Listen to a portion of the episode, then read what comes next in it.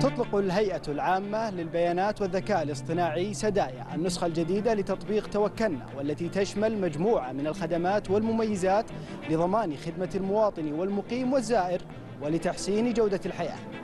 يوم جديد أخبار جديدة من شئت أهلا بكم.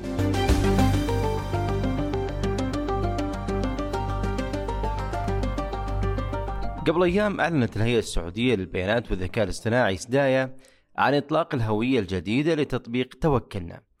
هذا التطبيق اللي كان رفيقنا في الأيام الصعبة أيام جائحة كورونا من خلاله كنا نستخرج التصاريح ونعرف مين المحصن ومين اللي ما أخذ لقاحاته. وكنا نأخذ المعلومات الأكيدة عن عدد الإصابات وانتشار الفيروس وأخبار وزارة الصحة وكل المستجدات اللي كانت تطرف ذيك الفترة. اليوم بعد أربع سنوات تطبيق توكلنا أخذ منحى مختلف وتم إعادة تصميمه ليكون رفيق رقمي لأكثر من 30 مليون مستخدم ويسهل عليهم الوصول إلى الخدمات المتنوعة سواء كان مواطن أو مقيم أو حتى زائر.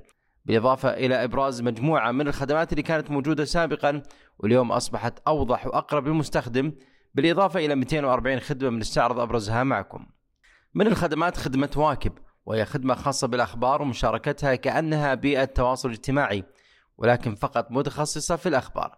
وهي بمثابة الذراع الإعلامي لتوكلنا وللجهات الحكومية والخاصة وفيها أكثر من 50 جهة تنشر أخبارها ومعلوماتها الموثوقة وكل جهة لها حسابات داخل التطبيق وبفضل هذه الخدمة الجهات الإعلامية بتتمكن من الوصول لشريحة كبيرة جدا من المستفيدين وبيساهم هالشيء في تعزيز التواصل وتوفير المعلومات الهامة للمستخدمين وبيكون لها دور كبير في تطوير قطاع الإعلام وتعزيز الوعي العام بالأحداث والأخبار الهامة.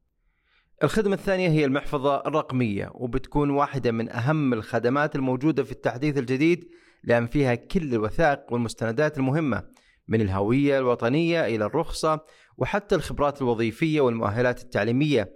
ويندرج من ضمنها خدمة السيرة الذاتية اللي تتضمن المؤهل والأعمال والجوائز والمشاريع والمؤهلات والدورات التدريبية ويقدر المستخدم يشاركها مع أي جهة من خلال التطبيق. وفي خدمات الصحة بنلاقي العديد من الخيارات مثل وصفتي اللي من خلالها تأخذ الوصفات الطبية وخدمة أسعفني ونداء استغاثة في حال وقوع حالة صحية طارئة لا سمح الله. وفيما يخص التعليم، التحديث الجديد تضمن عدد من الخدمات التعليمية مثل بيانات منصة مدرستي لعيالك والنتائج الدراسية وغيرها الكثير من الخدمات اللي تسهل حياة الناس وتوفر وقتهم وجهدهم وهذا أصلا هو الغرض من التحديث الجديد كما ذكر المهندس صالح مصباح مساعد مدير مركز المعلومات الوطني لمنظومة توكلنا. الرسالة الأساسية اللي عند توكلنا إحنا القيادة ترى كمية الدعم اللي تحطه القيادة معطيتنا القيادة لهدف واحد تسهيل حياة الناس. يعني إحنا هدفنا الأساسي تسهيل حياة الناس. جودة حياة. جودة حياة جودة حياة هذا اللي والقيادة ترى تتابع بشكل يعني سمو ولي العهد يتابع بشكل مستمر بشكل الناس يمكن ما تتخيله بحيث إنه يسهل حياة الناس سواء كانوا مواطنين أو مقيمين أو زوار للمملكة. بعد هذا الموضوع خلونا ناخذكم لأبرز الأحداث والفعاليات اللي تستضيفها المملكة.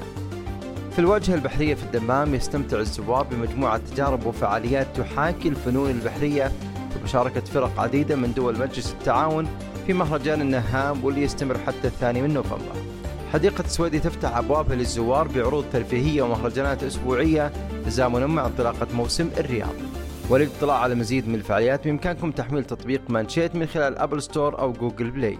وصلنا لختام مانشيت لهذا اليوم وعدنا نجدد معكم غدا بإذن الله. مع السلامة.